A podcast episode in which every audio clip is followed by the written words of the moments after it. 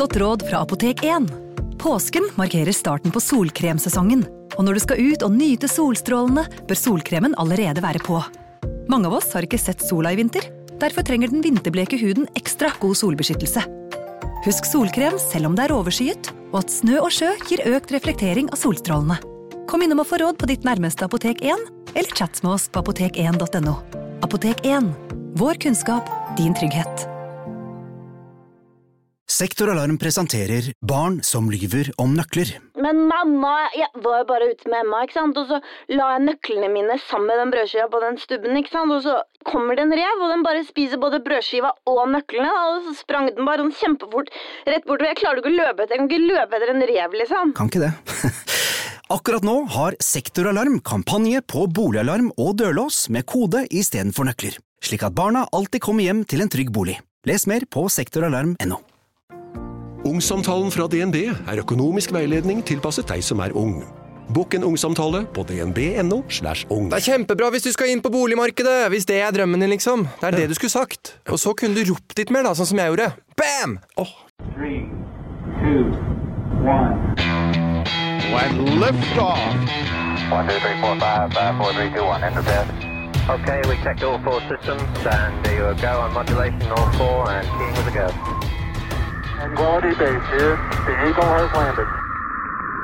Veldig hyggelig at du hører på. Dette er Romkapsel, din forhåpentligvis eh, favorittpodkast om alle ting som foregår i verdensrommet, og ting som foregår på jorda, som eh, dreier seg om å komme seg til eh, verdensrommet. Nils Johan Halvorsen heter jeg. Eirik Newth er også på plass. Hei, Eirik. Hei, hei. Vi er fremdeles sosialt distanserte, det må vi vel si. Ja, vi Men- er eh, veldig pliktoppfyllende. Men eh, i rommet kan ingen høre deg hoste, for å si, sitere eh, en filmplakat. Ja, det er nettopp det. Vi kan hoste i hver vår romkapsel og spre alle de eh, bakteriene vi ønsker, og så blir det til filmen Life, hvor alt går skikkelig, skikkelig gærent. Som det ofte gjør når eh, man møter eh, nye utenomjordiske eh, livsformer, ikke sant? Så har jeg sett på noe slikt i det siste, Eirik. Eh, ja, jeg driver altså det, det er en sånn slags merkelig attraksjon ved å se på ting som kommer fra verdensrom og sprer seg rundt og gjør skumle ting, ja. Er, det er klart med det. Apropos sprer seg, eventuelt ikke da eh, sprer seg. Det er jo da T-skjortene våre som du kan bestille på vår, via vår Facebook-side. Eh, Flotte T-skjorter med vår deilige mission-patch på. Eh, Det er det jo flere som har gjort. Hjertelig tusen takk til dere. Og så er det jo da mange som har lurt på hvor blir det av denne T-skjorta mi? Eh, og vi skal jo ikke lure noen. Det er jo ikke det vi driver med. Det er bare det at det har vært noe sånn koronastopp i noe postgang fra Ken, som han heter. Han som lager disse T-skjortene og bor i Irland. Men nå skal alt eh, være i gang igjen, så takk til alle som har bestilt eh, T-skjorte siden eh, altså pre eh, korona, og sittet da hjemme og ruga Mm. i eh, huset sitt og venta på T-skjorta. Eh, ikke fått noe, men nå, nå kommer den snart. Da kan dere endelig stå fram, komme ut av skapet som romkapselsupportere. ja.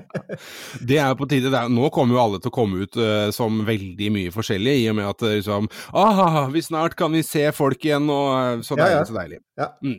Uh, takk uh, også til alle som føler at de vil donere en liten skjerv til oss. Vi skal være såpass frekke at vi sier tusen takk for det, og ber om mer. Hvis du har lyst til å være med og, og støtte produksjonen av denne nerdy podkasten, så, så gjør gjerne det. Gå inn på Vips og søk opp Romkapsel.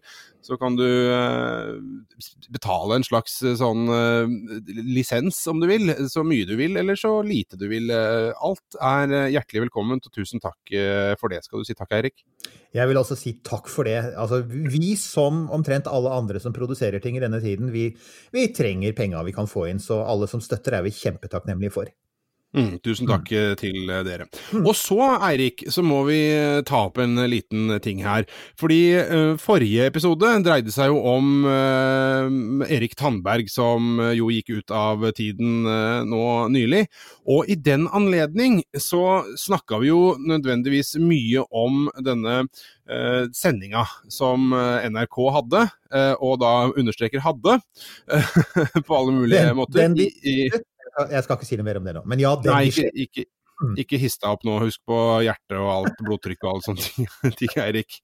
Men det som var veldig morsomt, var at uh, i kjølvannet av dette så uh, kommer da Joar Bårdtvedt Olsen til oss på Facebook og skriver Hei, har akkurat hørt på podkasten om Erik Tandberg. Programleder for direktesendingen fra månelandingen var Ragnar Bårdtvedt, min morfar. Der får du det, Eirik. Ragnar Bårdtvedt het ja, han. Ja, og beklager at jeg glemte navnet i farta, for det, altså det, det, det, kunne jeg jo egentlig. Og det er jo nettopp fordi at Ragnar Bårdtvedt også ble Han var jo kjent før før sendingen, men etterpå så fikk han jo Jeg tror til og med han fikk sitt eget chatshow. Altså han ble jo han ble i likhet med Erik Tandberg en nasjonal kjendis av denne legendariske sendingen. Så det var bra vi fikk med. Ja. Jeg, jeg, jeg, forsøkte jo å fiske da til eh, Ragnars barnebarn Joar om eh, de kanskje var fryktelig tidlig ute med hjemmeopptaksutstyr. Eh, det var de dessverre ikke.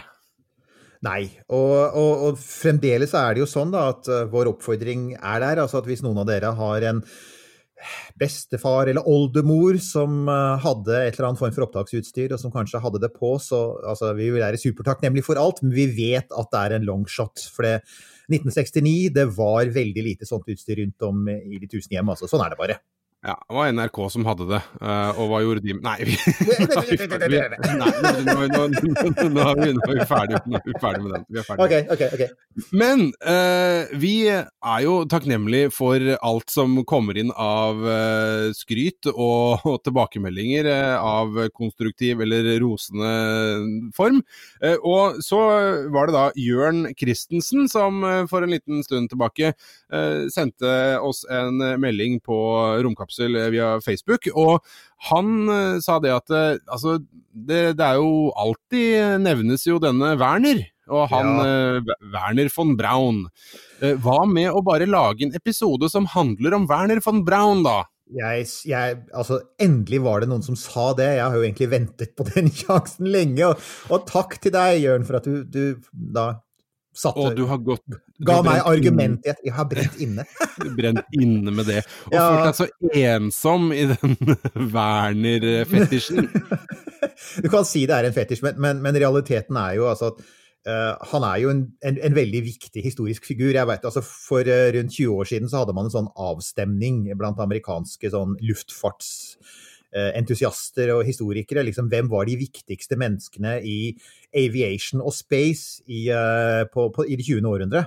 Og da, altså Werner von Braun kom vel som nummer to etter brødrene Wright, for å si det sånn. Altså Han er helt der oppe, så det er ikke noe tvil mm. om at altså, min interesse for han springer ut av at han regnes som romfartsens far. Og uten han så hadde vi absolutt ikke vært på månen i 1969.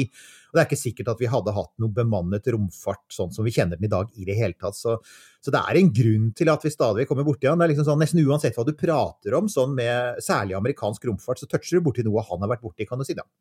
Ja, utvilsomt. Eh, mm. Men, og i den anledning så er det litt interessant spørsmål, uh, før vi jeg, jeg forskutterer litt her nå, men mm. vi kan være litt sånn in medias resse her og, og, og, gjøre akkurat som vi vil. Det er vår podkast. Å oh, ja, det er det der, ja. Ja, ja det er det der. Men uh, som du sa, at han da i, i en avstemning uh, blir liksom kåra til den nest viktigste i aviation history, ikke sant? Mm. men nå i de siste dagene så har jeg da lest eh, en del om Werner von Braun, og ikke minst sett på litt filmer og sånn. Det er jo helt fantastisk. Jeg, er, jeg elsker det uttrykket. Altså, det er så magisk, den derre koloritten som er i disse her filmene fra 50-tallet, ja. som eh, Werner von Braun er på sammen med Disney og sånn. Altså, og, og, og liksom modellene og og den, og den, designen er så fin. Jeg blir helt mo i knærne, helt sånn alvorlig. Jeg har så lyst på noen sånne postere bilder av disse her illustrasjonene, og, og, jeg klarer liksom ikke å finne den helt perfekte. Det er, det er, vanskelig, altså. Og jeg kan si at Vi må helt klart ha litt sånn lenkebonanza. Vi kommer til å legge ut både på Facebook og i bloggen. Har gjort det før, vil gjøre det igjen. Eh, for som du sier, han, eh, han var jo annet med på å lage han var, han var en av de første faktisk som lagde dokumentarprogrammer om verdensrommet i sin tid og lagde du samarbeid med Walt Disney på 1950-tallet. Og det er som du sier, det er helt nydelig produsert. Og, og ikke bare det, altså, og, og, det ligger på YouTube. Det er jo ikke sånn, Jeg er ikke sikker på om Disney-konsernet liker det, men det ligger noe der ute. Særlig de tre timelange eh, dokumentarene som eh, han var med på å lage sammen med Disney, og som jo solgte inn romfart til amerikanerne på en måte som er vanskelig for oss å fatte i dag. Han var jo i, i, i den rollen så var han jo på mange måter USAs Erik Tandberg. Men altså Ikke sant? ikke sant? Men liksom 15 år før Erik Tandberg så blir han Mr. Space. Han blir den som alltid blir spurt, alltid er på TV, alltid er i avisene når, når romfart tas opp. Og, og, og sant å si, eh, jeg vet jo at Tandberg traff von Braun og intervjuet han. og eh, altså, Jeg vil ikke overraske meg om, om Tandberg også lånte litt av stilen hans, for at du kjenner det litt igjen. Når, ikke sant? når du ser det, så tenker du jo, men altså, det minner litt. Det er sånn sindig, rolig De er jo dresskledde, de er veldig sånn Dette er gammeldagse, begge to er ingeniører, de er litt sånn gammeldagse i formen. Men det er en stil, altså. Mm, ja, det er veldig sånn Altså, nå, nå hopper jeg bare litt over det jeg egentlig Ja. hadde tenkt å spørre om, men, men det er et eller annet med De er, så, de er liksom så faktuelle, det er så faktisk, og det, men på en måte, når du, når du på en måte klarer å transportere deg sjøl tilbake til den tida de opptrådte i, til Vern, den tida han opptrådte i, og viste disse her vyene sine. Så, så det er så faktuelt, men allikevel så avsindig eh, å skulle forestille seg noe sånt noe. Eh, men, men man var så teknooptimistisk, ikke sant. Man, man, måtte ha noe Ja. positivt, noe fint etter krigen. Og den derre Ja, vi skal til verdensrommet, og raketter, og det er liksom Det er teknologiske vidundere ut av milde, ikke sant. Og, og måten han bare Ja, blubri, blubri, blubri, blu. Dette får vi til. Ikke sant? Og vi er vel nesten vi er nødt til å få lagt inn et lite lydklipp her, tenker jeg, hvis vi kan høre litt på Werner von Braun her, for eksempel. Hvordan han snakker, så, så skjønner folk litt bedre. This model will show you how our future moon rocket ship might be designed. It would be 53 feet in length, has no wings or tail surfaces, because it will be assembled and operated only in the vacuum of space. For the hull of the ship, we are adapting the cabin section of one of the Earth to Space Station passenger rockets. To the nose, we have added a small atomic reactor, which will drive a steam turbine and furnish electricity for the ship's instruments. This shield will protect the crew members from dangerous radiation. Front and two back here. Ja, og så har du den derre den, den lille sånn tyske som ligger Ja. under der. Ja, og det er jo, det er jo greia. Altså, Werner von Braun er jo, han er jo, som også navnet antyder, han er jo opprinnelig født i Tyskland. Uh, og han er jo faktisk født Han ble vel født i 1912, er det vel, rett før første verdenskrig, så han slapp jo unna det marerittet, for å si det sånn. Eh, han er jo da født i, i, i den østligste delen av Tyskland, som ikke lenger er en del av Tyskland, men som er en del av Polen. Dette er jo noe av det sånn vi vet jo at grensene i den delen av verden flyttet seg veldig mye, både under første verdenskrig og under annen verdenskrig, og at eh, Tyskland er nå veldig mye mindre enn det en gang var, takket være han Adolf. ikke sant? Så, Mm, ja, det, ja. ikke sant? så Mm. Han er jo da født i det som eh, opprinnelig het Østprøysen, og han het jo egentlig det er jo det, altså, Vi kaller han Werner von Braun, men altså, von-navnet avslører jo at det er litt mer på gang her. Werner Magnus Maximilian Freiherr von Braun. Og Freiherr det er en sånn gammel tysk adelstittel tilsvarende baron, så han var jo da egentlig Altså, Faren hans var baron, han var en baronsønn og kom fra en adelsfamilie. Eh, og og visstnok, det, det er faktisk en sånn eh, En kompis av meg har en far som faktisk jobbet i det amerikanske flyvåpenet, og som var passet på Werner von Braun etter at han kom til USA, og han kunne fortelle at Werner han, hadde, han, han la aldri fra seg den litt sånn adelige, snobbete, arrogante stilen. Han likte han ikke i det hele tatt. Han sa han forventet å bli oppvartet av folk som hadde litt lavere rang enn han. og i motsetning til de fleste andre tyskerne som amerikanerne hentet over, så var liksom Werner von Braun var noe for seg selv. Så der har vi den. Ja, fordi han framstår som altså, Av det man på en måte kan se og det man kan lese seg til, så framstår han som litt sånn eh, ehm, Ja, hva, hva, hva er det derre sånn Altså, han jeg, finner aldri det, det ordet på det. Altså, berettiget. Han virker Ja. litt sånn berettiget. Ja, ikke sant? På engelsk heter det sånn entitled, det er helt sant. Ja, det, ja. og det er klart at det, altså, han, han vokste opp under veldig gode forhold. Han, eh, han gikk på gode skoler. Han gikk annet på en, en um, Altså en av grunnene til at han ble så opptatt av verdensrommet, det var jo Delvis fordi det var en sånn svær interesse for verdensrommet i Tyskland på 1920-tallet når han var barn, men også fordi at han ble sendt til en sånn veldig frilynt skole som la veldig vekt på Nesten litt sånn Montessori-aktig for de som kjenner til det. En sånn skole som la vekt på eh, eh, at du skulle være selvstendig, lære selv, være ute i naturen, bygge ting, løse problemer. Altså, altså ikke så veldig lærebokorientert. Og det fora jo jo rett inn i han, da, for han, han eh, som sagt, han var veldig tidlig så var han interessert i dette med raketter og eksperimentere. Han forteller selv at han eh, han sprengte en lekebil med fyrverkeriraketter som barn. Og så, og så var han veldig som mange tyskere på 1920-tallet. Dette, dette, er en sånn historie som har gått litt i glemmeboken. Jeg kom over det på et museum i Tyskland. Tyskland har faktisk noen fantastiske romfartsmuseer, fordi at de har denne forhistorien de har. Og der kom jeg da over denne forhistorien om Raketenrommel, som de kalte det, som har en sånn mani for raketter som bl.a. var drevet av Fritz von Opel.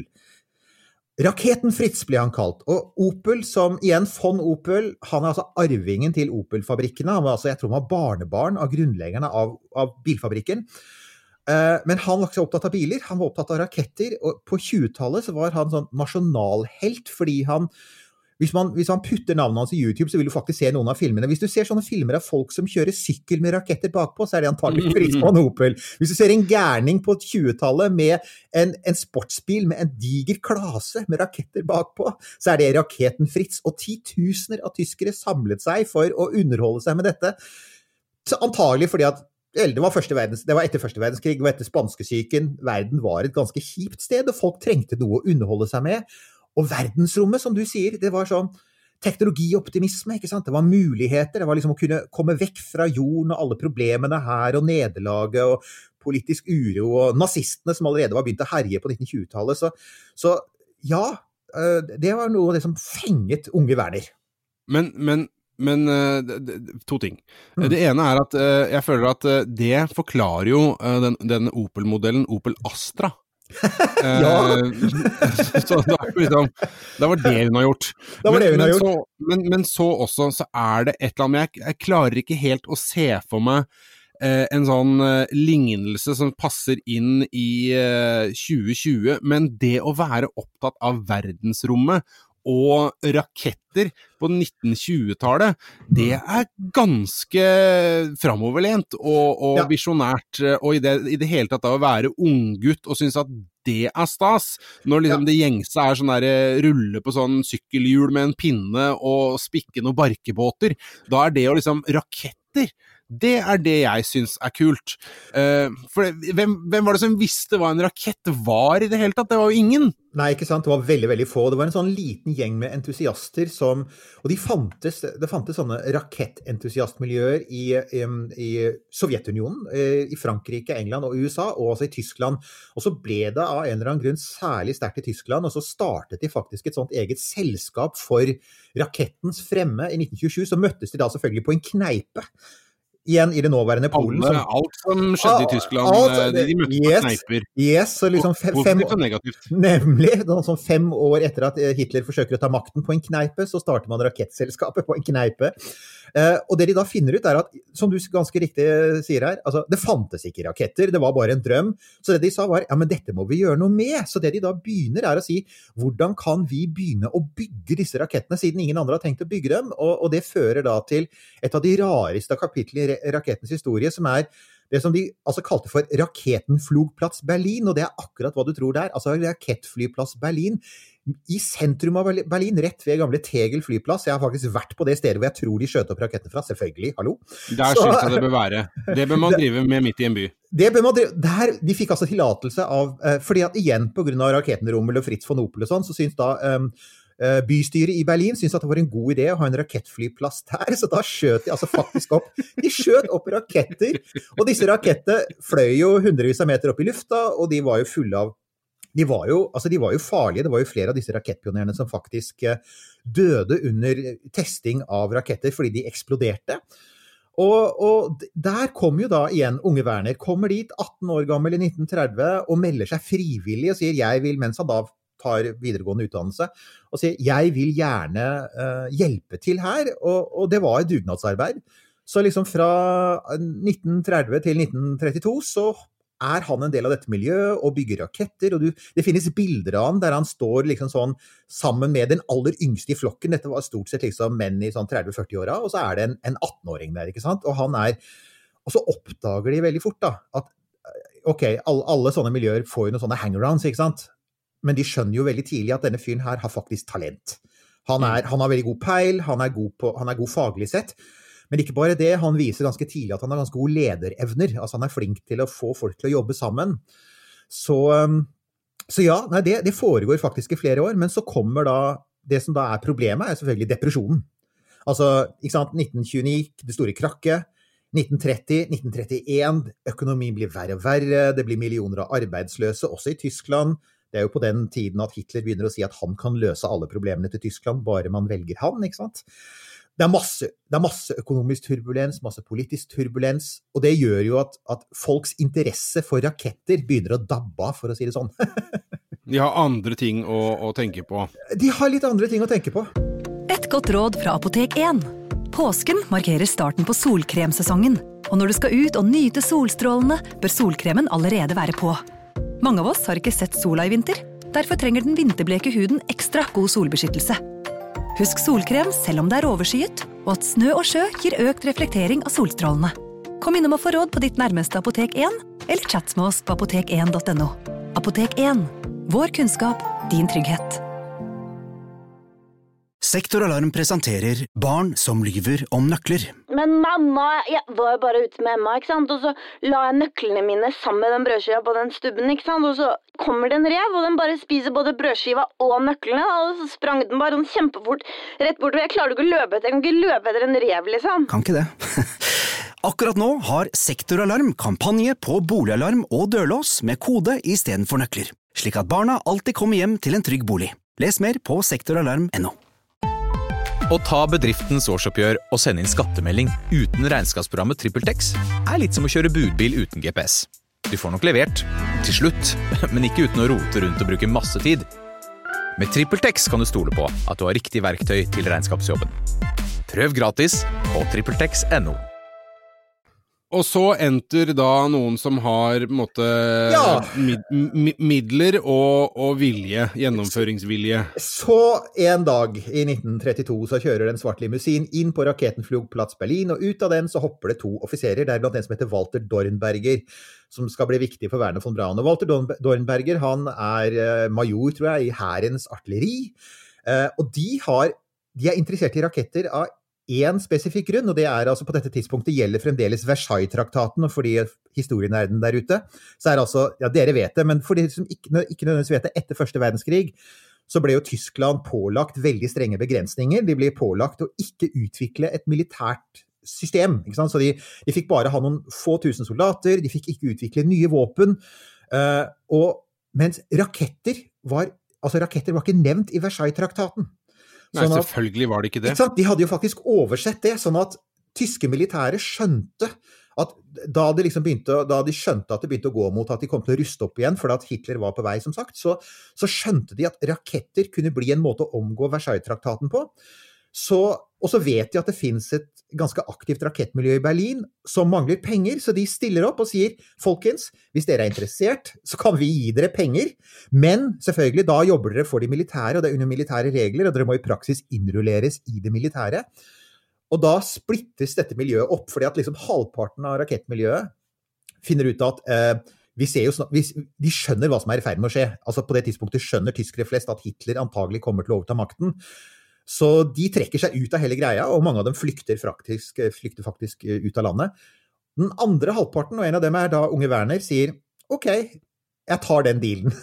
Jeg vil gjerne bygge raketter, jeg tar de pengene.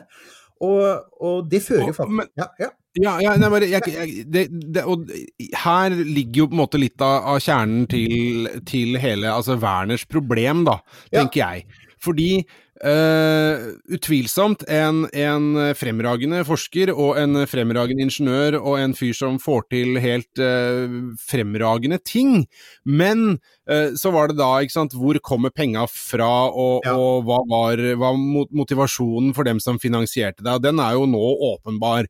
Eh, og, og alt som eh, han på en måte så og eventuelt gjorde, ikke gjorde noe med. Men, men der tenker jeg at hvis man skal, og vi skal ikke unnskylde, det er litt viktig, vi, vi, vi, tø, vi tøyser med nazistene, det gjør vi gjerne. Men eh, vi skal ikke unnskylde noe av det de gjorde. Men der tenker jeg at Werner, han framstår for meg som en sånn drevet fyr, som altså har så sky, skylapper at alt som kan eh, på en måte framskynde og, og støtte opp under hans motivasjon og hans målsetninger, det er ok.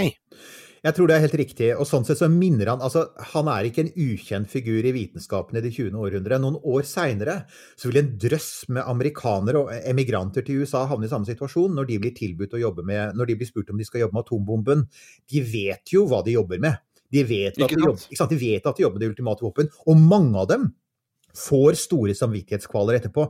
Mange, av dem går jo etterpå ut og sier at de skulle ønske de aldri hadde gjort det. Men der og da I have become death, the destroyer of worlds. Ikke sant. Det er, det er, det er Robert Oppenheimer, som jo var Som faktisk hadde en sånn Werner von Braun-rolle i, i, i, atombombeprosjektet. Han var liksom også selve drivkraften.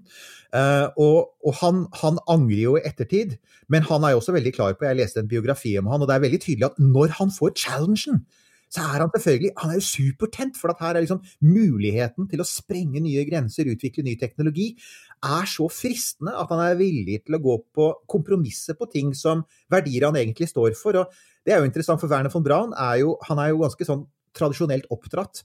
Han er oppdratt med en ganske sånn striks, uh, sånn gammeldags moral. Han er, han er egentlig kristen. Han blir veldig kristen mot slutten av livet, men han har vært det hele tiden.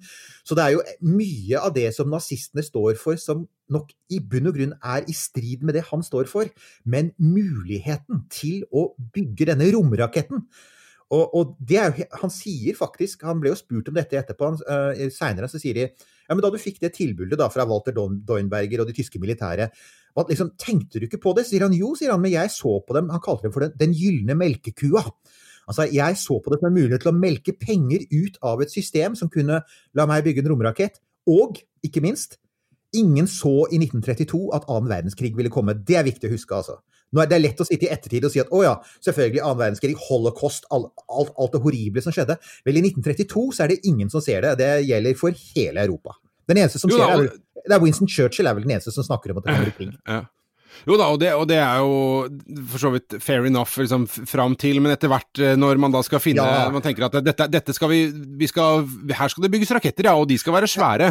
Ja. og tenker det kan vi ikke drive med midt i Berlin. Og så kommer da ikke sant, eh, denne her basen hans Ja! Pe, pe, hva nå Pene Pene Mynde. Pene, pene Mynde. Og, og, og, og, alt som skjer der under krigen. Uh, som da Werner tenker Jeg bygger raketter, og jeg vet ikke. Det har jeg ikke hørt om. Ikke sant. Og det er akkurat det. Og det er jo, altså, han, For han blir jo han blir, jo, sagt, han blir jo faktisk ansatt av det militære. Han tar doktorgraden sin for militære penger, og han tar en doktorgrad på rakettmotorer som det tyske forsvaret klassifiserer umiddelbart. og Jeg tror faktisk ikke hemmeligstemplingen ble fjernet før i 1960. Og det er helt mm, klart, og, og det er ingen tvil om at han på det tidspunktet vet at han forsker på et våpen. Og så er han ferdig med doktorgradsstudien i 1936, og så er det jo da dette som, som tross alt, da, altså 1936 Han er 24 år gammel, ikke sant? Og så er det da de tyske militære, Dornberger og de andre, kommer og sier til han du, uh, vi har såpass stor tro, stor tro, på dette at vi er villige til å la deg bygge verdens største rakettforskningssenter. Finn et sted, og så skal vi faktisk bygge det for deg. Og det er liksom sånn ja. er, hvis du tenker på det, da, hvis du tenker at den, den, største drømmen du har hatt, Nils Johan, ikke sant? eller lytterne, ikke sant? hvis dere tenker på hva er det du kunne tenke deg det, det beste kunne skje deg? Og så kommer det en fyr og sier du, vi gir deg blankosjekk til å gjøre akkurat det. Hvor mange av oss hadde sagt nei, ikke sant? Det er jo noe ja, ikke sant. Ja. ja, ja. Den er eh, den, eh, den, tror jeg Når du er sånn drevet og, og, og så måte visjonær som, som, han er Jeg, jeg satt, jeg fikk akkurat en sånn assosiasjon, eller en litt sånn tankerekke her, uh, som gikk til uh, Du husker tilbake til da vi var så heldige å få ESA-sjefen Jan Wørner som, som gjest i, i podkasten. Så, så, så, så prøvde prøvde å kile fram eh, litt sånn eh, eh, visjonære vyer og, og, sånne ting fra han, fra, fra en, en, ganske sånn sindig byråkrat. Ja. Så, så, klarte så vidt liksom å hente fram litt grann i ny og ne. Men, men, men, jeg tenker at Werner var jo bare det. Han var jo bare visjoner og vyer, og det var liksom Og tenker at det, det mest urealistiske er for han helt oppnåelig. Ja, han, han, er helt klar. Fra starten av så er det målet er å bygge en rakett som skal opp til verdensrommet. Og, og han, han, innser også at dette blir et megaprosjekt. Han innser at det handler jo ikke bare om å bygge selve rakettmotoren, det visste man litt om. Det handler ikke bare om å gjøre raketten mye større enn noen noensinne hadde gjort.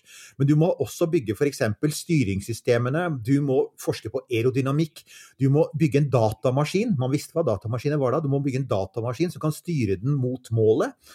Eh, du må lære deg sånn hypersonisk transport. altså du, det, det, raskeste noen hadde fløyet var kanskje sånn 800 km i timen, og så er det plutselig så skal du altså da opp i 5000-8000 km i timen.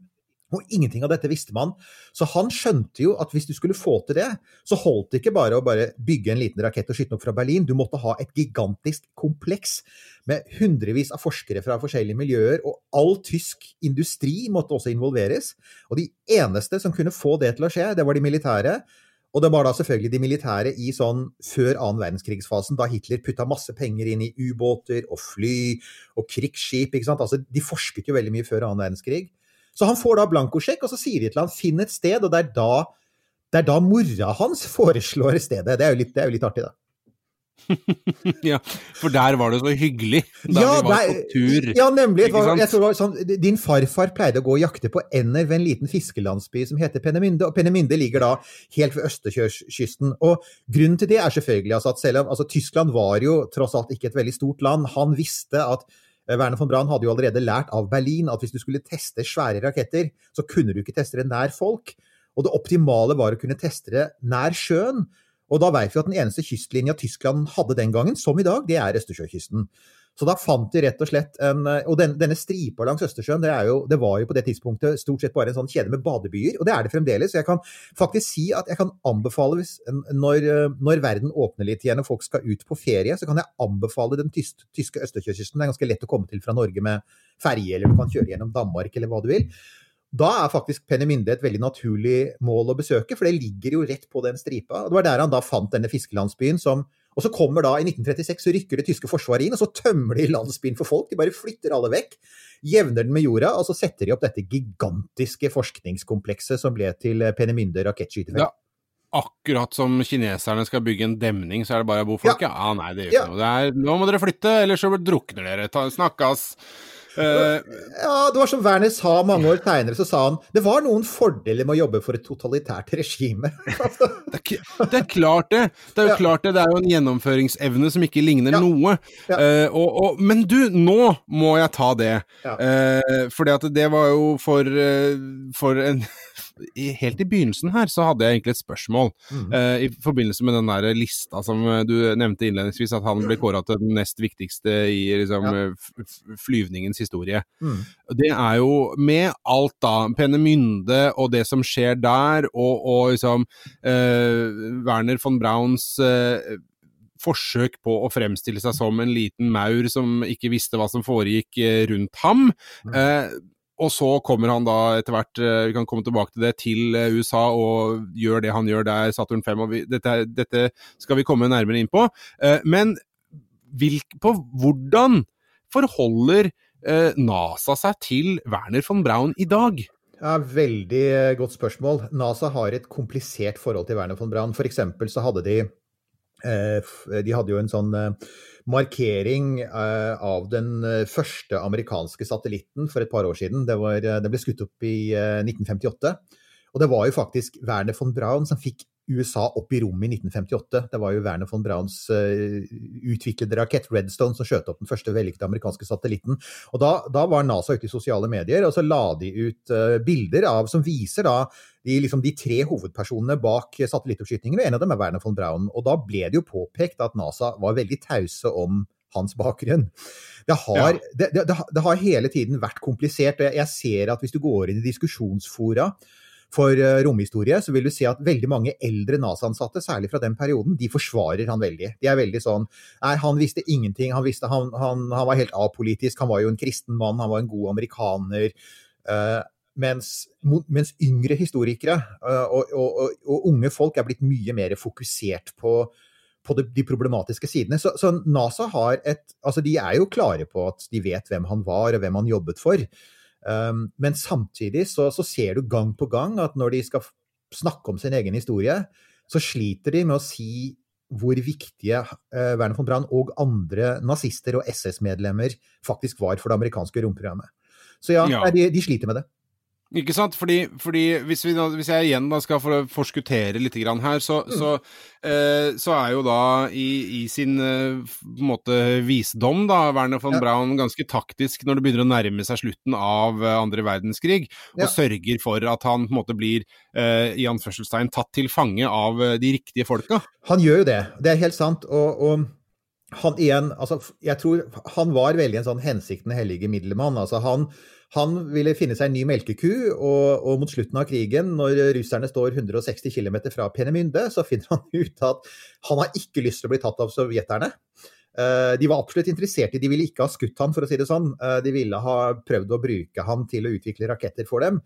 Eh, Han ville heller jobbe for, for vestmaktene, og så måtte han velge. Han ville jo helt klart ikke jobbe for britene, for dem hadde han jo vært med på å bombe via V2, så, som eh, raketten hans etter hvert het. Og, og da ble amerikanerne ble det naturlige stedet å gå til. så han flykter jo, han tar jo med seg hele teamet sitt, 170 stykker, og drar ned til Bayern og sitter der faktisk og venter på at uh, amerikanerne skal komme. For det, det er jo litt glemt. Når sovjeterne tok jo Berlin, mens eh, amerikanerne tok jo Sør-Tyskland.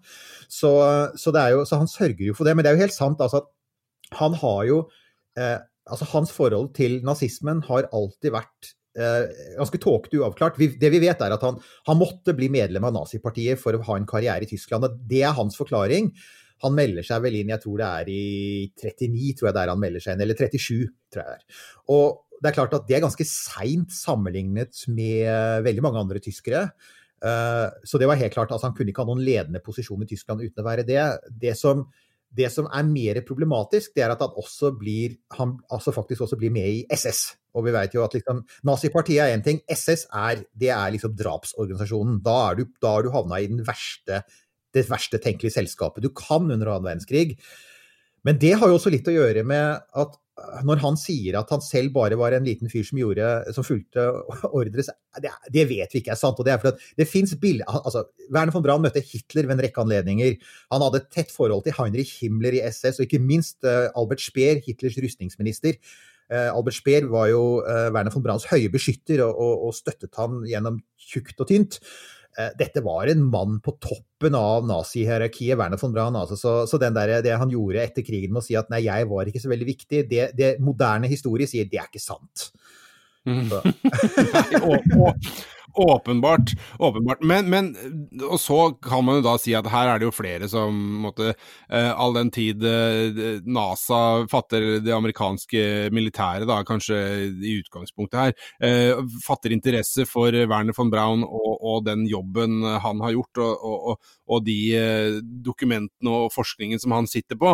Når de da starter hele den der operasjonen med å få Werner og gutta hans inn i landet, sånn at de kan jobbe for amerikanske myndigheter med å lage tøffe raketter. Det også er jo da, så det her er det jo mange som på en måte har vært litt sånn, hva skal man si, eh, frynsete i moralen, da. Ja, det er ingen tvil om det. Altså, og, og, og, altså, eksempel, som du sier, de, det amerikanske militæret smugler mer eller mindre Det er, til, det er jo en operasjon, det heter Operation Paperclip, heter den vel. og det er altså, Amerikanerne tar med seg all, så mange tyske toppforskere som de kan. og Det er jo, det er jo noen områder hvor de liksom er spesielt interesserte. Det er rakettforskningen. fordi at På det tidspunktet så har eh, Werner von Braun og teamet hans på Peneminde utviklet V2, verdens første romrakett, som ble skutt opp 3.10.1942. Eh, og som funka. Den bombet jo London, så det var, et, det var et effektivt stridsvåpen. Det var de interessert i. De var interessert i jetfly, så de tok fly, eh, flyingeniører. Og selvfølgelig atombomben, datamaskiner, ubåter. 1600 folk ble tatt over, og man så ikke så nøye på bakgrunnen deres, fordi det fantes jo på det tidspunktet en lov, og den gjelder fremdeles. Eh, Har du, du har vært i USA, ikke sant, Nils Johan? Ja da, opptil flere ganger. Ikke sant, og da vet du at Når du skal inn i USA, så må du fylle ut et skjema. Tidligere var det på papir, nå er det Og der er det bl.a. du skal ikke ha vært medlem av en nazistisk organisasjon, og du skal Ja. ikke ha deltatt i forbrytelser mot menneskeheten. ikke sant? Det står jo faktisk Ja. der. Den, Ja, loven, folkemord og folkemord, den loven var faktisk vedtatt av president Truman. altså den, den var vedtatt når, når tyskerne ble hentet over. Så det er i strid med gjeldende amerikansk lovverk at USAs forsvar henter disse forskerne over.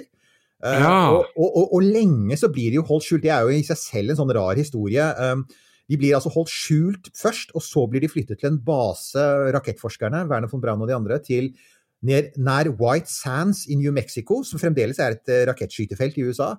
det er vel der, der testa de noen atombomber og sånn også, gjorde de ikke det? Ja, ikke? I dette området tester de raketter, atombomber, jetjager, fordi det er massevis av, av sånn avansert forskning som, som foregår der. Og de, jobben de får, blir i praksis å sette sammen alle disse V2-rakettene som de hadde tatt med seg i deler fra Tyskland. Ah, okay. Og dessuten um, så hadde de tatt med seg noe sånt som 14 tonn med dokumenter som Werner von Braun hadde stæsja unna i en hemmelig hule. Ja. som, eh, som uh, for, for, at amerikanerne skulle få det. Og så blir jobben deres å liksom gjenoppbygge V2-programmet. Og så skjer det som gjør at Werner von Braun blir superfrustrert, som er at amerikanerne faktisk mister interesse for raketter. Altså, eh, de har disse rakettforskerne. Og så går det faktisk flere år, fra 1947 og utover, hvor disse tyskerne mer eller mindre driver og bygger gamle V2-raketter og tvinner tomler og ikke kommer i gang med noe forskning. og den viktigste grunnen til det er at amerikanerne har atombomben, det har ikke sovjeterne, så de føler seg trygge. Ja. Og ikke bare det, men amerikanerne har Geografisk sett så har amerikanerne de har langtrekkende bombefly som kan nå Sovjetunionen fra baser i Tyskland, Tyrkia, Japan, Sør-Korea, ikke sant? Altså Korea. De har mange steder de kan nå Sovjetunionen fra, mens sovjeterne har egentlig ingen baser veldig nær amerikanske, de amerikanske storbyene. Så de føler seg trygge. Mm. Og det er først når Koreakrigen starter i 1950 at liksom rakettforskningen begynner å komme i gang for alvor, og Werner von Braun og hans team da, i hans øyne da, endelig begynner å settes til å begynne å bygge raketter igjen. Og det er i, i den perioden så Det er da liksom, den andre fasen av Werner von Brahns liv begynner. Den første er liksom han bygger raketter for nazistene. Den andre fasen er hvor han blir hele USAs Doctor Space, som vi snakket om. Ja. Hvor han liksom får en sånn ja. Og dette her, det slår meg nå, som jeg syns er ganske fascinerende. Fordi her, her skjer det noe, og her Dette er jo litt sånn kanskje tegn på uh, hvordan dette absolutt ikke hadde fungert i måte, det moderne informasjonssamfunnet. Mm. Men det de da gjør på 50-tallet, og måte, det samarbeidet som Werner von Braun uh, får sammen med Walt Disney Company og sånne ting, at han da, sant, som du sier, at han blir Dr. Space mm. uh, Her er det jo et PR-arbeid av dimensjoner som, ta, som, tar denne tidligere nazisten ja. og, og, og, gjør han til en sånn hele Amerikas uh, Dr. Space og visjonær fyr som alle bare Ja! Dette er dritkult! Det må vi gjøre! Og Kennedy med Rice-taler og ikke sant, alt ja. sammen. Og så er det Werner som skal liksom bære hele dette på sin rygg. Ja, helt sant.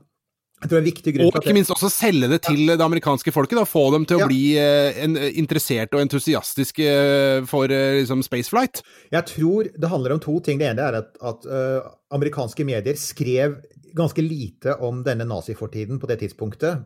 Blant annet av strategiske grunner. fordi at... Ja, Visste de om det? Ja, det var ikke ukjent. Det står faktisk eh, altså German Scientists Det, det ble skrevet noen få avisartikler om det før 1950. Men sånn i det store og det hele, så var det, så var det sånn på det tidspunktet så var jo Vest-Tyskland allerede blitt en alliert. ikke sant? Og det, altså På det tidspunktet man er i ferd med å opprette Nato. Um, så tyskerne er allerede, vesttyskerne er allerede i ferd med liksom å bli på, en av the good guys, på samme måte som japanerne på det tidspunktet også liksom er i ferd med å bli en av the good guys. Så det er, eh, er, er en ting. Men det andre, det er rett og slett Werner von Brauns personlighet, og den kommer man ikke forbi, som vi har vært inne på før. Eh, han snakket, han snakket bra engelsk. Altså du, som du sier, han har en tysk aksent, men han snakker faktisk veldig pent, flytende engelsk. Han har et godt ordforråd. Han er sånn vannkjemmet. Han er en kjekk mann. Han var visstnok eh, ganske hard på damene. Det er, går det mange historier om. Jo, men altså, han ser bra ut, og i, i dress og slips. Han ser veldig sånn, sånn streit. Han er, han er fotogen. Og etter hvert som han havner på TV, så er han telegenic, som han sier. Og ikke minst så har han, uh, han har en sånn veldig drift etter å formidle sin drøm om verdensrommet. Så før han havner på TV, mange år før han havner på TV, så begynner han å reise rundt og holde foredrag i USA, gratis. Og han holder faktisk tusenvis av foredrag for alt mulig fra Lions Club til skoler til store bedrifter uh, om sånn The Promise of Space. Og så er det, etter et av de foredragene, så er det en journalist fra et tidsskrift som heter Colliers Magazine, det er 1952, mm. som kommer bort til han og sier du, han sier, det du sier er veldig spennende, kunne du tenke deg å skrive en artikkel for vårt blad? Ja. Og, nemlig. Og så er det sånn at Hvis ingen har hørt om Colliers, så er det helt forståelig, for det gikk inn eh, for mange mange år siden. Men på 50-tallet var det et av disse store Det var Life Magazine, som var sånn fotomagasin, og så var det Time Magazine. Det Time fins fremdeles. Og så var det Newsweek, og så var det Colliers. Og Colliers var gigantisk. De hadde sånn ti millioner lesere hver uke. Så det Werner sier ja, det er han med på. Han skriver en artikkel som sier 'Man will conquer space soon'. Mhm. Og så får de de beste illustratørene i bladet til å lage og det vil jeg si, Hvis du, hvis du googler, googler det, jeg skal se om jeg kan legge ut en lenke til det, se de illustrasjonene. De, er så ja. Ah, så vakre, de Ja, bildene. ja. Jeg, får, jeg har lyst til å tapetsere huset mitt med må de bildene. ikke sant, er Her må vi nevne altså at det ene, Den ene halvdelen av ligningen der er Werner von Braun, den andre er illustratøren som heter Chesley Bonestell. Og Bonestell han regnes som liksom romkunstens far i USA. Og en av de som, bare for en sånn, sånn liten digresjon her, siden vi, det er vår podkast, it's, it's uh, my podcast and I'll cry if I want to.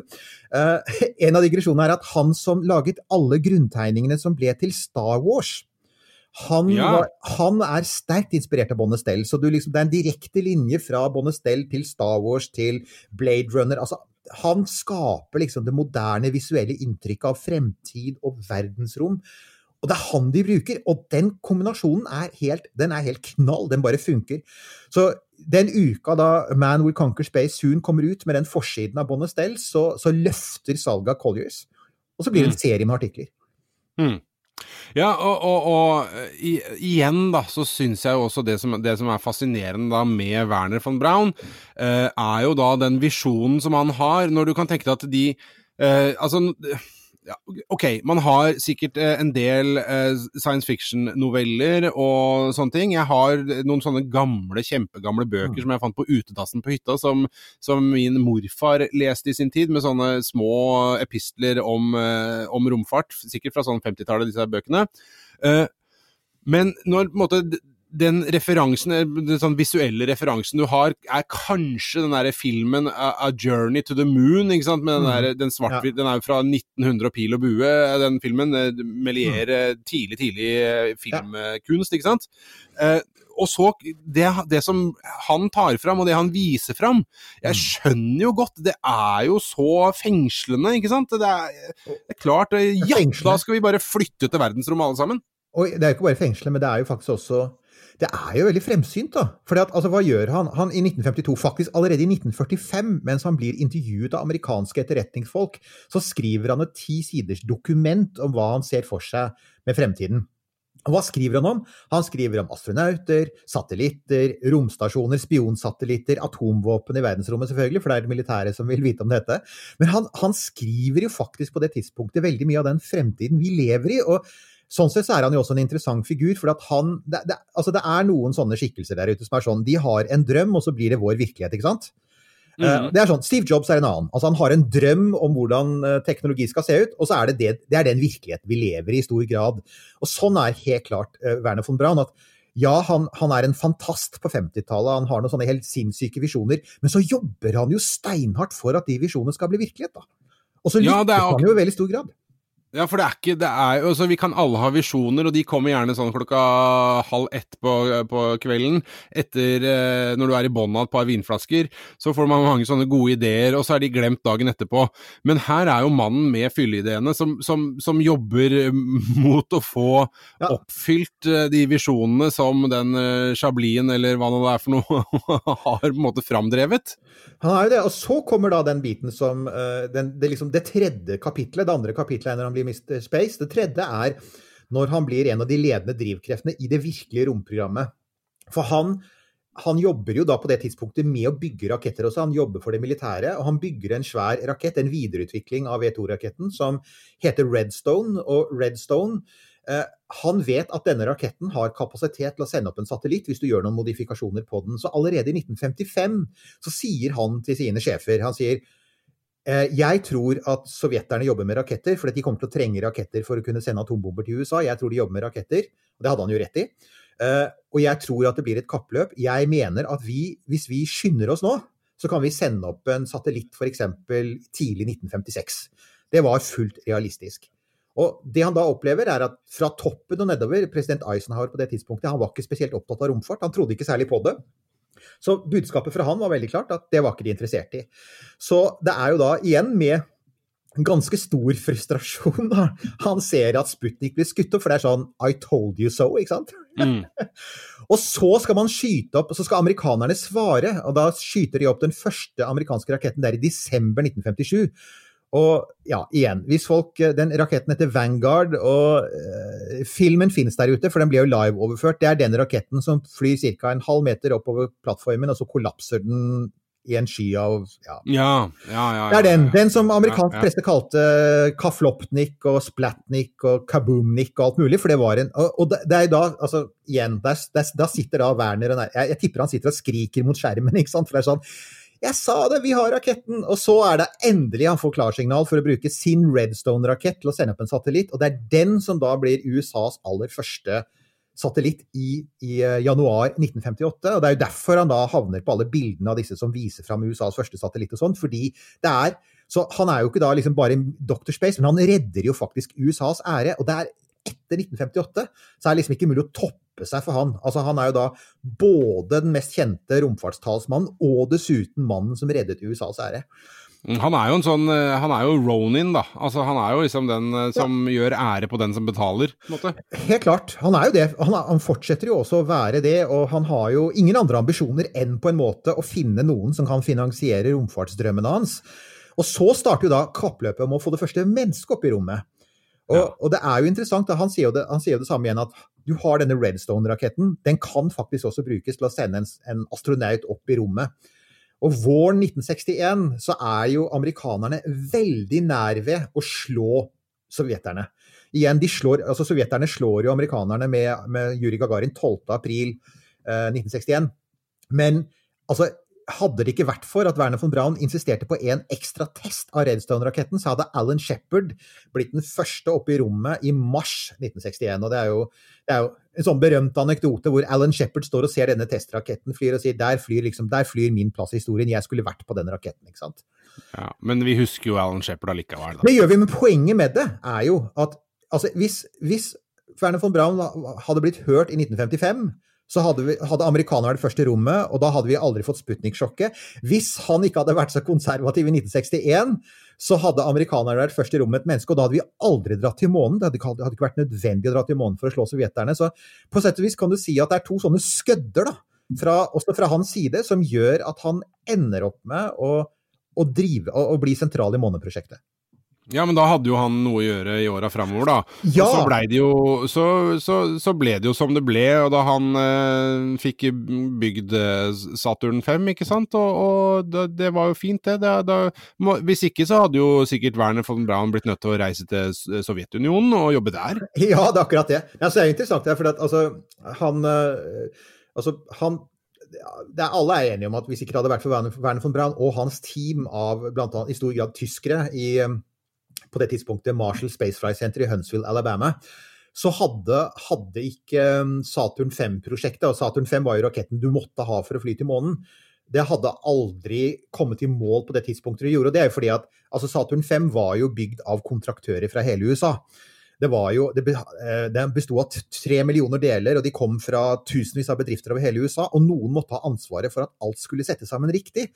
Og det Werner von Braun gjør da, er at han faktisk kopierer sin egen modell fra Penemynde, for de gjorde jo det under krigen, at de hentet inn en der. Så han har mye av det samme som prosjekt... Så, så man er enig om at hans viktigste sånn praktiske bidrag, i tillegg til å være inspirator og pådriver, er at han er en sabla god prosjektleder og holder alle trådene i orden og bruker bl.a. datamaskiner veldig på et tidlig tidspunkt for å sørge for at liksom, hver eneste lille skrue og mutter og turbopumpe fra et eller annet i Wichita, Kansas ikke sant, og fra North Dakota, at alt havner i havner på riktig sted, at alt blir testet, at ingen blir, ligger etter med tid. Og hvis det oppstår et problem, da, så løser man det så fort som mulig. Og, helt konkret så vet man at den, den gigantiske rakettmotoren i første trinnet, F1 som den het, som fremdeles regnes for å være kanskje den kraftigste rakettmotoren i historien, den hadde en stygg tendens til å eksplodere tidlig på 60-tallet. Hvilket man ønsker å unngå. Det ønsker man å unngå! Og, og, det er ingen tvil om, det er bred enighet om at, at hadde det ikke vært for at liksom, teamet i Huntsville, Alabama sa OK, vi hjelper dere med å fikse dette, så er det ganske us, så er det høyst usikkert om faktisk om den rakettmotoren hadde blitt klar i tide. Så, Så igjen, når folk lander på månen i 1969 altså uh, Werner von Braun er jo selvfølgelig til stede under oppskytingen. Han, han, står, han, han er med overalt i forbindelse med det. Men alle er enige om at uten han så hadde du altså, det var en tidligere NASA-direktør som sa det. Han sa at uten Werner von Braun så hadde vi aldri kommet til månen i 1969. Og så ble han kritisert for den uttalelsen, og så modifiserte han til å si uten Werner von Braun hadde vi aldri kommet til månen. Punktum. Det er der vi er. så, så, ja, det er, vi, dette er en um, Dette her er en uh, Han er jo en fascinerende figur, altså. Men så er det jo sånn, som med sånne historiske figurer, da, så blir det jo Altså, 1969 er jo liksom total Det er hans det er en triumf, ikke sant? Det er liksom sånn Ja, ja for det ja, han kommer seg til månen. Unnskyld, det var ikke meningen å avbryte. Nei, nei, nei, tvert imot. Avbryt gjerne, for jeg hører at det er veldig mye meg her, men ja. Så, ja, det, var, det, var, det, var, meningen å avbryte, eh, ja. egentlig. Fordi, eh, ok, eh, hvis vi da eh, Ok, nå har vi kommet til månen.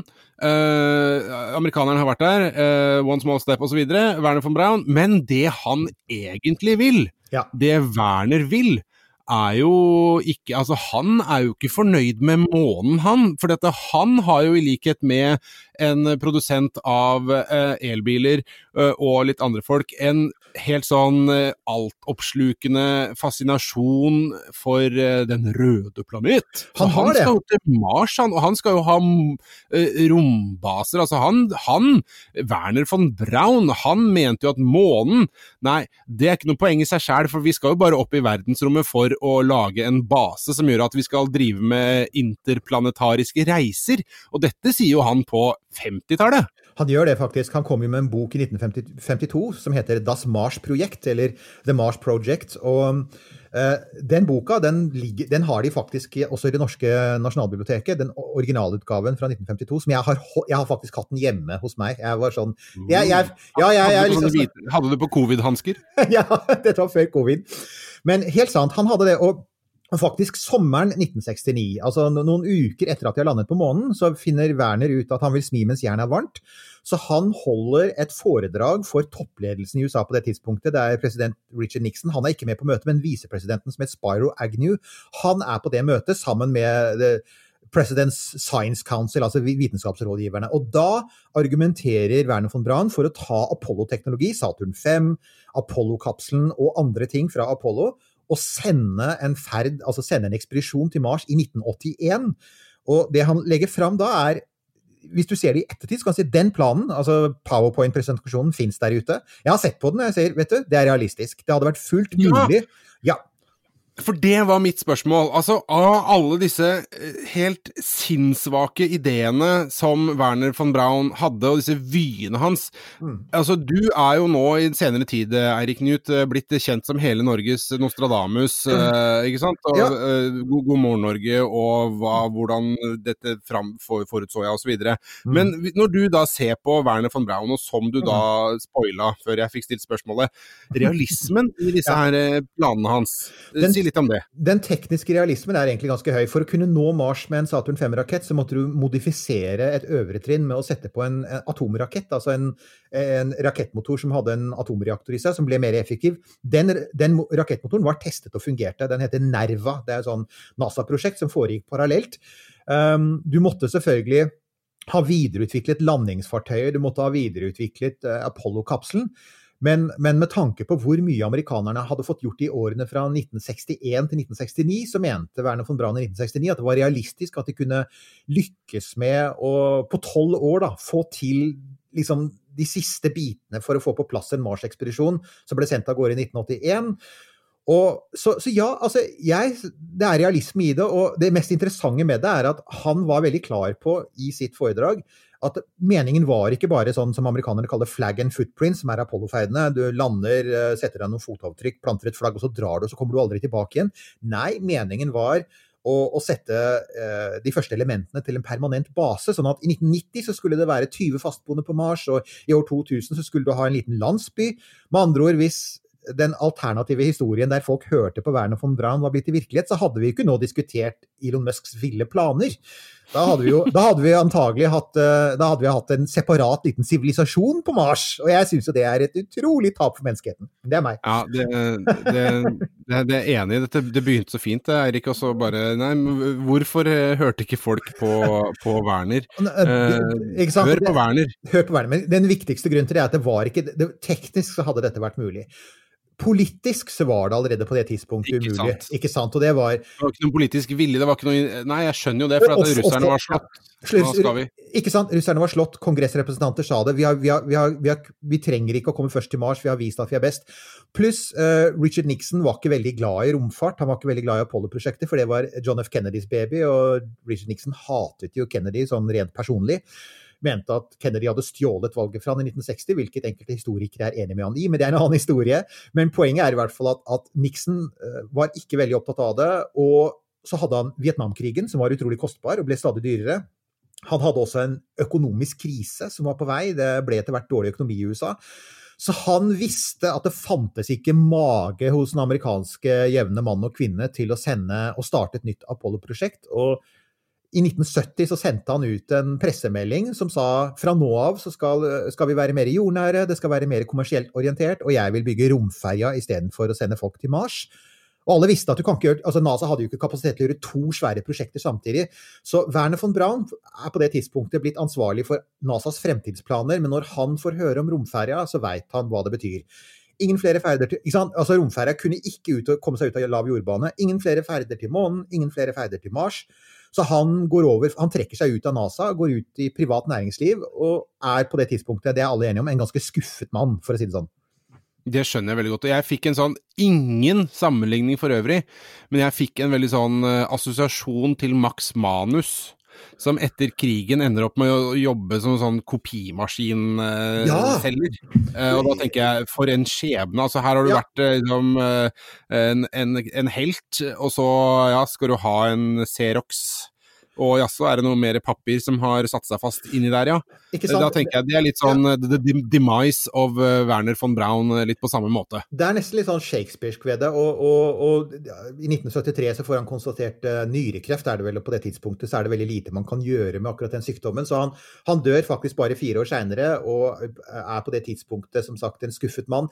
Men han er jo Han har flaks i hermetegn, hvis du kan si det sånn, på en måte, og det er eh, på det tidspunktet så har jo anklagene om hans rolle under annen verdenskrig begynt å dukke opp igjen. Og eh, under hele etterkrigstiden så hadde, det, hadde jo Østtyske medier hadde skrevet mye om Werner von Brauns rolle under krigen, og at han, han, var med på å sende folk i Han var medansvarlig for slavearbeid, og antagelig var medansvarlig for krigsforbrytelser, fordi at han satt i ledelsen for et sånt prosjekt. Men ingen hørte jo på østtyskerne, for det var bare propaganda. ikke sant? Men, men på, det, på, det, punktet hadde faktisk østtyske medier rett. Det, var, det har jo historien gitt dem rett i. Uh, men på, etter 1970 så begynner også vestlige krigsfanger å dukke opp, bl.a. franskmenn som sier ja, men vi var også slavearbeidere, og vi husker jo denne mannen. Ja. Uh, men han dør før det skjer noe mer. Men en av de andre som faktisk var en del av, Arno, uh, av, av teamet hans, en som heter Arthur Rudolf, som var også helt sentral i, i Saturn 5-programmet. Han ender faktisk opp med å bli deportert fra USA han, noen år etterpå, rett og slett fordi at det blir så åpenbart at han var, han var med i SS, og han var direkte involvert i bruken av slavearbeidere. Så, sånn sett kan du si at, at, selv om Werner von Braun får en litt sånn trist utgang for han, da, og for oss romnerder, så var han heldig i den forstand at han slapp å bli klistret og, og bli knyttet til Arthur Rudolf, som han ville ha blitt hvis han hadde levd. Mm. Og det finnes, jo en, det finnes jo en TV-serie der ute som vi to liker veldig godt. Den derre For All Mankind, du husker den? Ja, ja, ja, ja. Denne alternative romhistorien der sovjeterne kommer først til månen, og, og, vi får et mye mer aktivt romprogram. Og i den så overlever jo Werner von Braun, og han blir jo faktisk stilt for retten, altså, og, og deportert. Og dømt og deportert, er det vel, for forbrytelser mot menneskeheten på 70-tallet. Altså, da får du Der tar man faktisk tak i det. Men det var bare ja, Han blir vel kasta ut av NASA, Ja, i hvert fall. han blir kastet ut av NASA. hjem- Gjemt vekk og Ja. sitter og gnurer med noe hagearbeid eller et eller annet. Ja, han, han, liksom, han opplever det store fallet, og, og det er klart, det, det opplevde han ikke, ikke personlig. Men jeg, det jeg tenker da, hvis vi skal se bort fra det, så er det klart at hvis vi skal tenke på å gå ut her, så er det klart at den situasjonen vi er i nå, da, hvor det er liksom sånn, det er 50 år etter at vi har vært på månen, og det vi sitter og håper på nå, er altså at SpaceX skal klare å sende opp det som i praksis er en kopi av Apollo-teknologi, ikke sant, fra 1970 opp igjen, etter mange, mange år har vært i en sånn blindgate som heter Romferja, og med masse rot og trøbbel og sånn. Eh, Det at vi ikke er kommet lengre enn vi er i dag, det tror jeg, tror jeg faktisk ikke hadde overrasket Werner von Braun. For igjen, på slutten av livet så var han ganske sikker på at USA hadde mistet denne drømmen om rommet, og hadde beveget seg inn i en sånn slags blindvei som handlet om at vi skal sende opp satellitter med et romfly. Så ja. Mm, mm, mm, ja. Men når det er sagt, vi skal straks runde runde av her, men vi må, vi må på en måte snakke litt om noen, noen mer samtidige ting. eh, Og, og, og alt er jo da båret fram av Werner von Brauns eh, arbeid. eh, Og eh, når du, kjære lytter, eh, kanskje hører denne podkasten, hvis du er rask på labben da, og hører den idet den kommer ut, så er det jo da 25. mai. Det betyr at det kun er to dager igjen til nettopp SpaceX eh, og, eh, og Crew Dragon skal eh, skytes opp. Astronautene er klare. Raketten står på paden. Den er, det er liksom Lunta er lagt, og, og det er bare ti minus, altså. Det er det, og jeg, jeg synes det er jo én ting som jeg syns er litt eh, Amerikanerne er litt opptatt av dette, men jeg syns det er litt kult, jeg også. Den launchpaden som de står på, den har faktisk SpaceX leaset av NASA. fordi at man vurderte å legge ned hele, dette, hele dette, denne delen av Cape Canaveral-anlegget. Så kommer de kommersielle inn og sier vi vil gjerne lease den. Dette er det som heter Launch Complex 39A, LC39A, og da er det mulig det sånn pinger noe bak i hodet på mange lyttere. Det er derfra Saturn 5-rakettene ble sendt opp til månen. Det er den plattformen. Det er derfra mange av de legendariske romferjeferdene ble skutt opp. Det er den plattformen eh, SpaceX har fått tak i. Så det er mange som ser tilbake på historien nå og sier OK, eh, går denne ferden i 27. mai bra, funker den som den skal, så, så kan det faktisk innvarsle en helt ny fase i amerikansk romhistorie. Eh, og da kan det jo hende da, at vi kommer litt nærmere å realisere Werner von Brands gamle drøm, som som du sier var Man will conquer space soon. For vi skal ikke glemme, Mars er jo ikke målet, Mars er bare første steg. Vi skal jo erobre rommet, må vite. Det er sant. Warp speed, uh, Captain Picard, eh, ikke sant? Der er vi. Boldly go where no man has gone before. Ja. Og på den tennladningen, Eirik Newth, så tror jeg kanskje vi skal eh, takke for eh, denne gangen. Jeg tror vi gjør det fra hver vår romkapsel, som fremdeles, men nå er det veldig kort tid igjen, eh, lander i Kasakhstan. Nå er det kort Nei. tid igjen. Vi skal, vi skal oppgradere snart til første klasse. Ja, nå syns jeg vi bør være fre, for, eh, litt fremadrettet her, eh, Eirik, og si at vi, vi lander pent på en eller annen lekter ute i Atlanterhavet og blir møtt Ja. av uh, Budwisers og burgers. Yes! Det høres ut som en mye bedre løsning enn de klamme hendene til hva han nå het, han litt Ja, korrupte fyren fra Kasakhstan. Snakkes!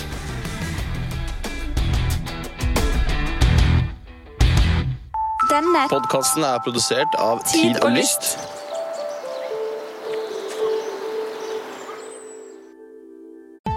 Å drive en bedrift uten regnskapsprogrammet TrippelTex er litt som å piske krem uten miksmaster. Det går jo, men det bare tar masse unødvendig tid. TrippelTex, det fleksible regnskapsprogrammet som forenkler hverdagen for over 100 000 fornøyde kunder. Prøv gratis på TrippelTex.no. Velkommen til Kjemperådet! Vi har fått inn et kjempekleint problem fra Trine Lure 22. Ok. Jeg leser. De to andre i kollektivet mitt har begynt å date, og jeg syns det er veldig kleint når vi skal se på TV sammen, og de bare skal kline. Ok, ja, Hvordan skal hun løse dette? Siden Trine Lure er under 30, får hun jo ubegrenset data fra Telenor fra 399 kroner. Da Da kan hun sette seg på sitt eget rom, streame så mye hun vil på mobilen. Ja, Hun kan jo se på nye mobilabonnement på telenor.no. Ja, det er lurt. Ungsamtalen fra DNB er økonomisk veiledning tilpasset deg som er ung. Bokk en ungsamtale på dnb.no. ung. Ok, det var jo en syk døll måte å forklare ungsamtalen på, da. Hæ? En smart prat om penga mine, ville jeg sagt. Ikke sånn kjedelig økonomisprat, skjønner du.